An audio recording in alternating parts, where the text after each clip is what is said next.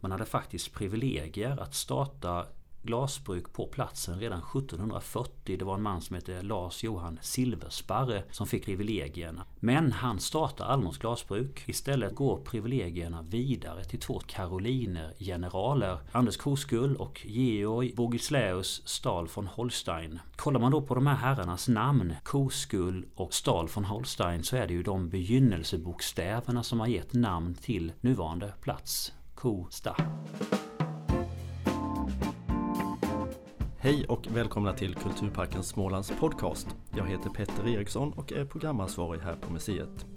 I dagens avsnitt kommer vi prata om de tidiga glasbruken i Småland och varför just glasbruken hamnade här. Det här är ju en serie av poddradioavsnitt eh, som vi sänder under våren och det är ju delvis en kompensation för inställda föreläsningar här på museet. Vi publicerar ett avsnitt i veckan på onsdagskvällar och du hittar podden på Kulturparkens hemsida eller Spotify eller andra plattformar där poddar publiceras. Idag har jag Björn Arvidsson med mig, glasantikvarie och före detta glasblåsare. Stämmer bra det. Vilket glasbruk eh, jobbar du på Björn? Jag jobbade på Sandviks glasbruk som ligger i Hovmantorp. Som eh, ja, var dotterbolag till Orrefors från 1917-18 eh, fram till nedläggningen 2005. Och efter det så hamnade du på Smålands museum, numera Kulturparken Småland. Har du en vanlig vecka och hur ser den ut i så fall? Jag har nog aldrig en vanlig vecka. Och det är väl det som gör jobbet så himla intressant. Det kan vara några EU-delegater så att man får ha någon slags kavaj på sig och sen dagen efter så putsar man glas. Så att det det är verkligen allting däremellan. Ja, vad, vad jobbar du med annars? Eh, något större projekt under våren? Ja, nu är det ju sommarutställning också på gång här som invigs den 16 maj. Och då är det Orrefors skatter heter den utställningen. Så den eh, är otroligt spännande att få göra. Eh, kanske ännu mer intressant att få se faktiskt. Så. Och den är tänkt att den öppnas? Eh, 16 maj ja. är det väl va? Mm. Ja, dagens ämne då, de tidiga glasbruken i Småland. Hur började det med glasbruk i, i Småland? Det beror lite på hur långt bak man ska titta här egentligen. Men jag tycker i de här sammanhangen att man egentligen bör titta på när glasbruken kom igång i Sverige överhuvudtaget. Vi har ju egentligen två historier. Den ena handlar om hur länge vi har gjort glas. Och då är vi ju tillbaka på minst 600-tal. Förmodligen till och med 400-tal. Så, så länge har vi, I, i Sverige? Har vi gjort ja. glas i Sverige. Ja. Eh, då är det enklare grejer. Det är pärlor och smycken och sådana här saker. Men på 1560-talets mitt kommer vi igång med glasbruk och då är det Gustav Vasa som vill ha sådant i landet. Det finns någon sån här eh, historisk ekonomisk term som heter merkantilism som i enkelhet betyder att man vill producera inom landet för att slippa importera. Ungefär så. Eh, tanken var väldigt stark, inte bara i Sverige. Gustav Vasa ville därför ha då eh, även glas som en inhemsk produktion och startar ett bruk uppe i eh, Stockholm. Och under ja, 1500-talet så har vi sex bruk ungefär som ligger runt Stockholm eh, med ett undantag. Därför att avsättningen för glaset fanns i storstaden eh, Stockholm hos adel, hos kungligheter och så. Sen eh, dröjer det ett tag Nämligen till 1620-talets slut innan vi får ett småländskt glasbruk i inlandet. Det finns dock ett äldre faktiskt småländskt som ligger söder om Kalmar. Mm. Som heter Bökenberg. Eh, startade på 1620-talets början. Men nu är vi på 1620-talets slut. Och den här platsen där man startade det här bruket heter Trestenshult. Och det är ju inte helt enkelt att förklara var det ligger men eh, Ryd kanske någon ja, känner att man ungefär vet var det ligger. Man kan också tänka Tingsryd och sen lite väster in i landet där.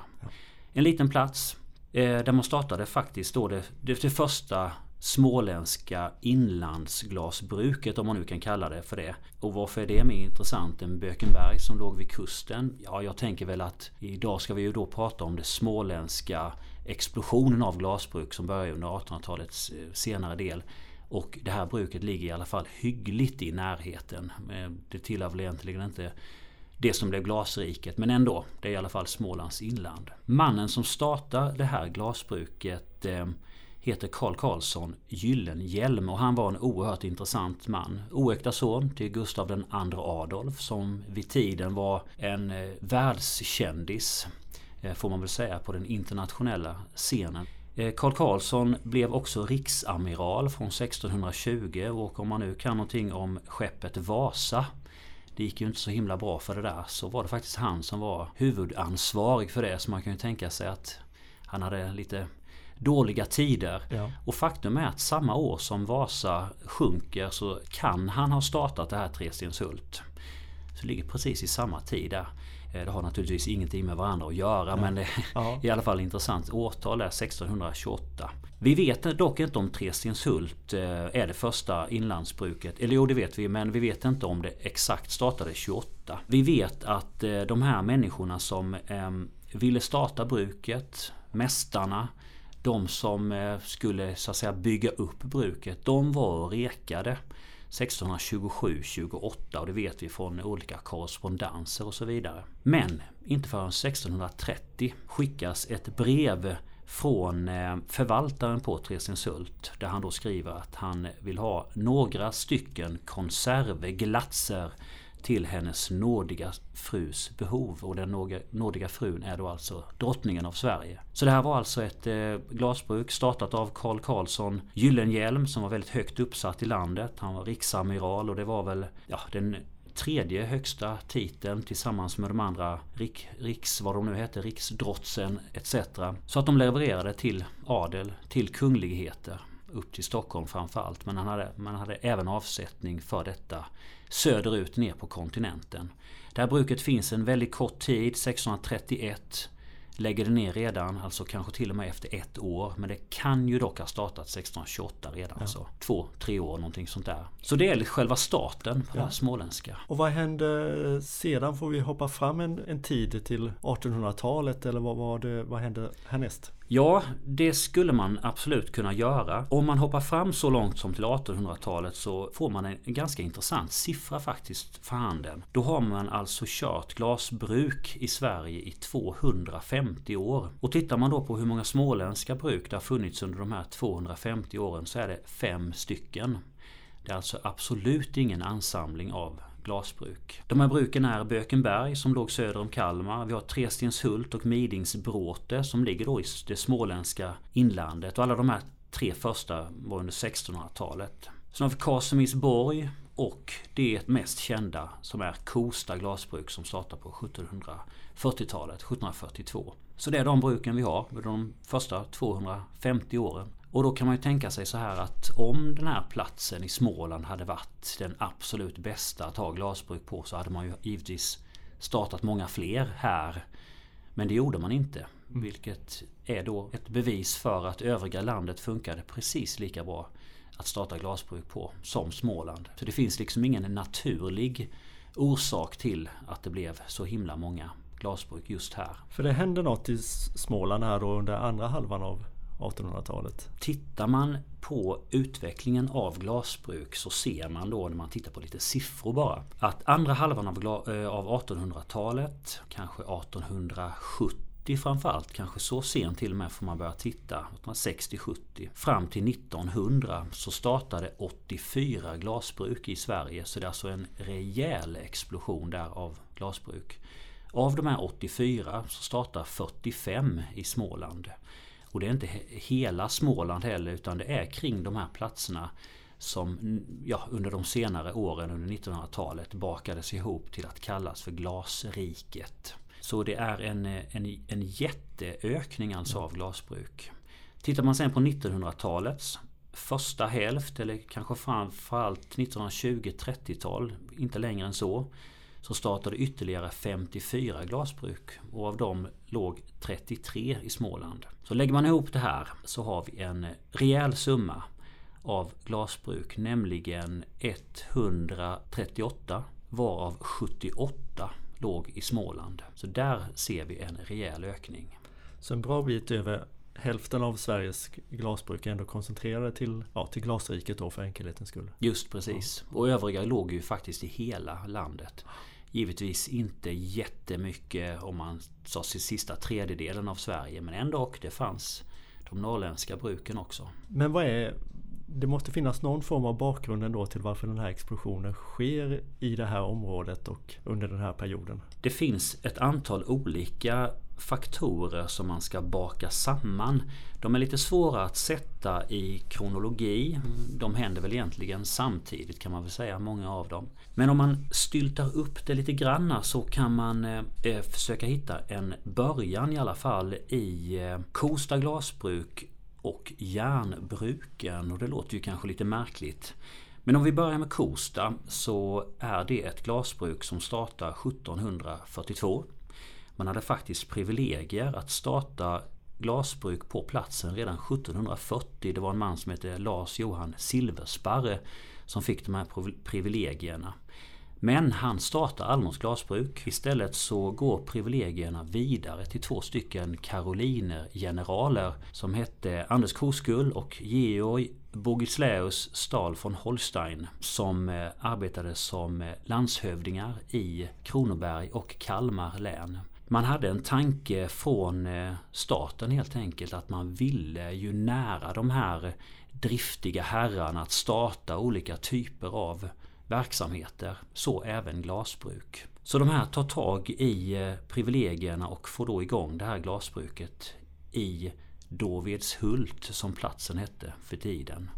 Eh, som ligger i Ekeberga socken. Har man varit i Kosta som det nu heter så märker man att kyrkan heter Ekeberga fortfarande. kan man tycka är lite konstigt kanske men det beror på att kyrkan är betydligt äldre än namnet på platsen idag. Kollar man då på de här herrarnas namn, Koskull och Stahl von Holstein så är det ju de begynnelsebokstäverna som har gett namn till nuvarande plats, Kosta. Då ser man på Kosta som moderbruket i området. 1742 startar man och då är man väldigt ensam på platsen. Det finns inga andra glasbruk runt om.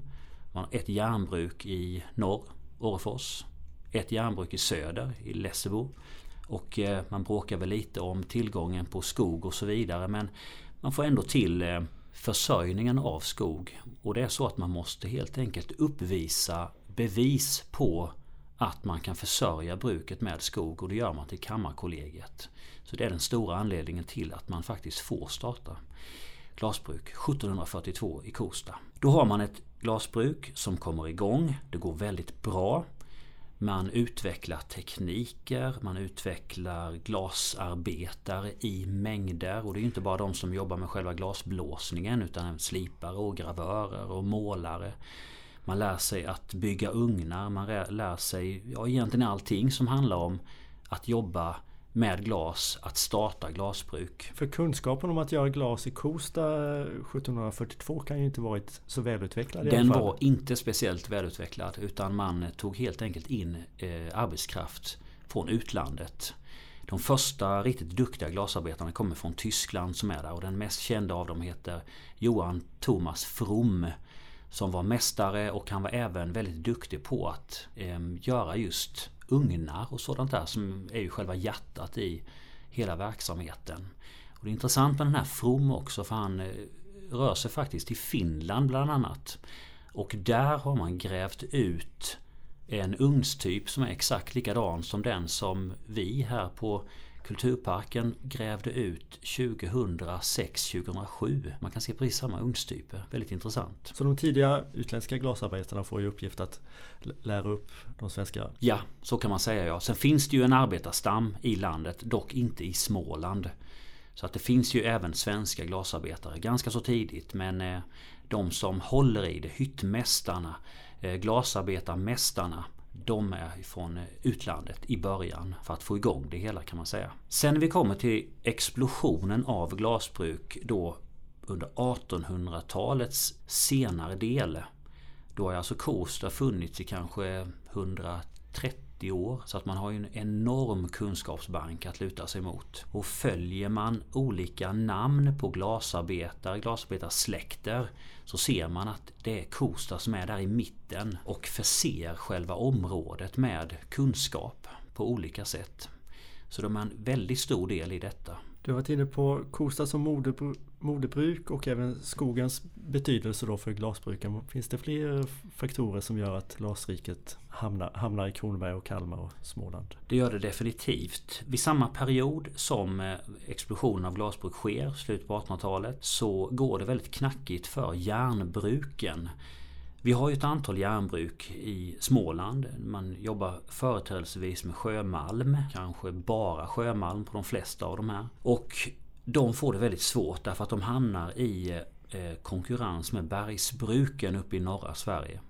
Så att man lägger ner väldigt många av de här. Så det finns också en arbetarstam som blir arbetslösa. Och den här verksamheten med järn, med järn påminner lite grann om glas. Kanske inte just att framställa det. Eh, alltså man hamrar ju ganska mycket på järn och det gör man ju ja. inte på glas kan jag säga.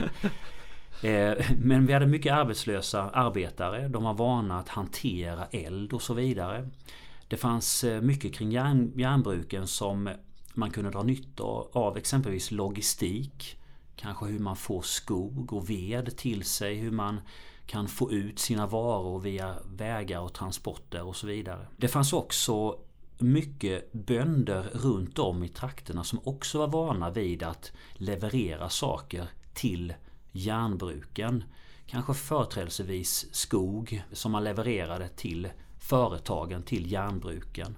Så att de liksom adopterades av glasbruken när de väl kom igång där. Skogen har jag varit inne på är ju också en helt avgörande faktor. Man har ett enormt vedbehov under 1800-talet. Eh, och då finns det ganska så intressanta siffror ifrån Kosta glasbruk 1870 där man då gör av med 120 000 kubikmeter ved. På den här tiden var det inte så att man hade maskiner som stod och klöv detta och så vidare utan det gjorde man ju för hand helt ja. enkelt. Man tog förvisso hand om väldigt mycket ytved och spillved och sådär från sågverk och sådant. Men hanteringen gjorde man ju bara för hand. Den stora, stora delen var faktiskt pottasketillverkningen. De stod för 90% eh, och pottaska är en del i glasblandningen så man har den i glaset ja, för att kunna göra glas helt enkelt. Medan 10% endast behövs för att hålla glassmältan igång. Alltså för att smälta glaset för att, och för att hålla det smält. Ehm, så skogen är också en sån här jätte, jätteviktig faktor.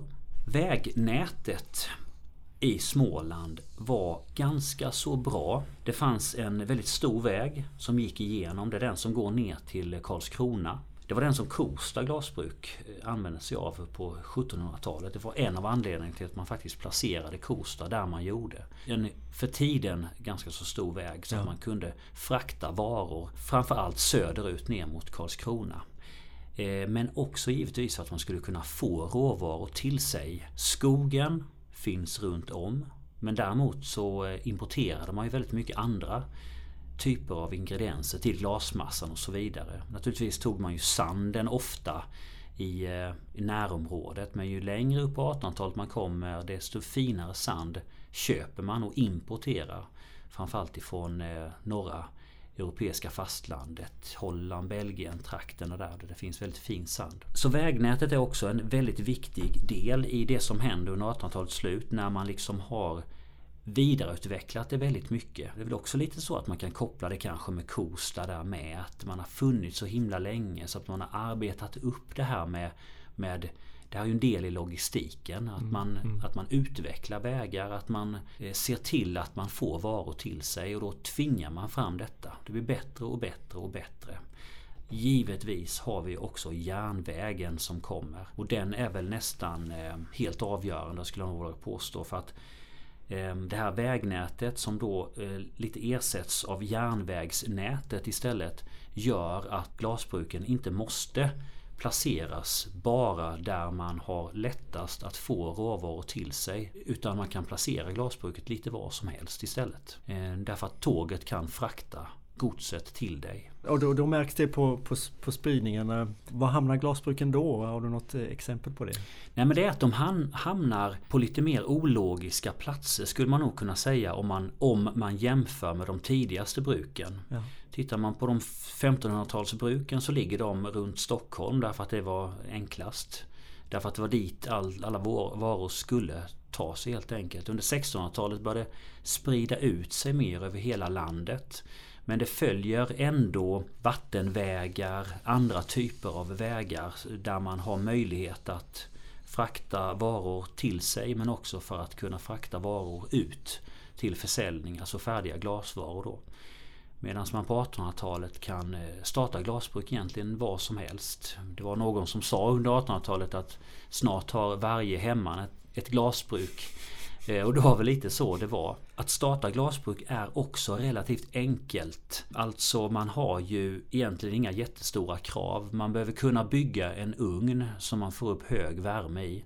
Resten är ju inga krav på alls.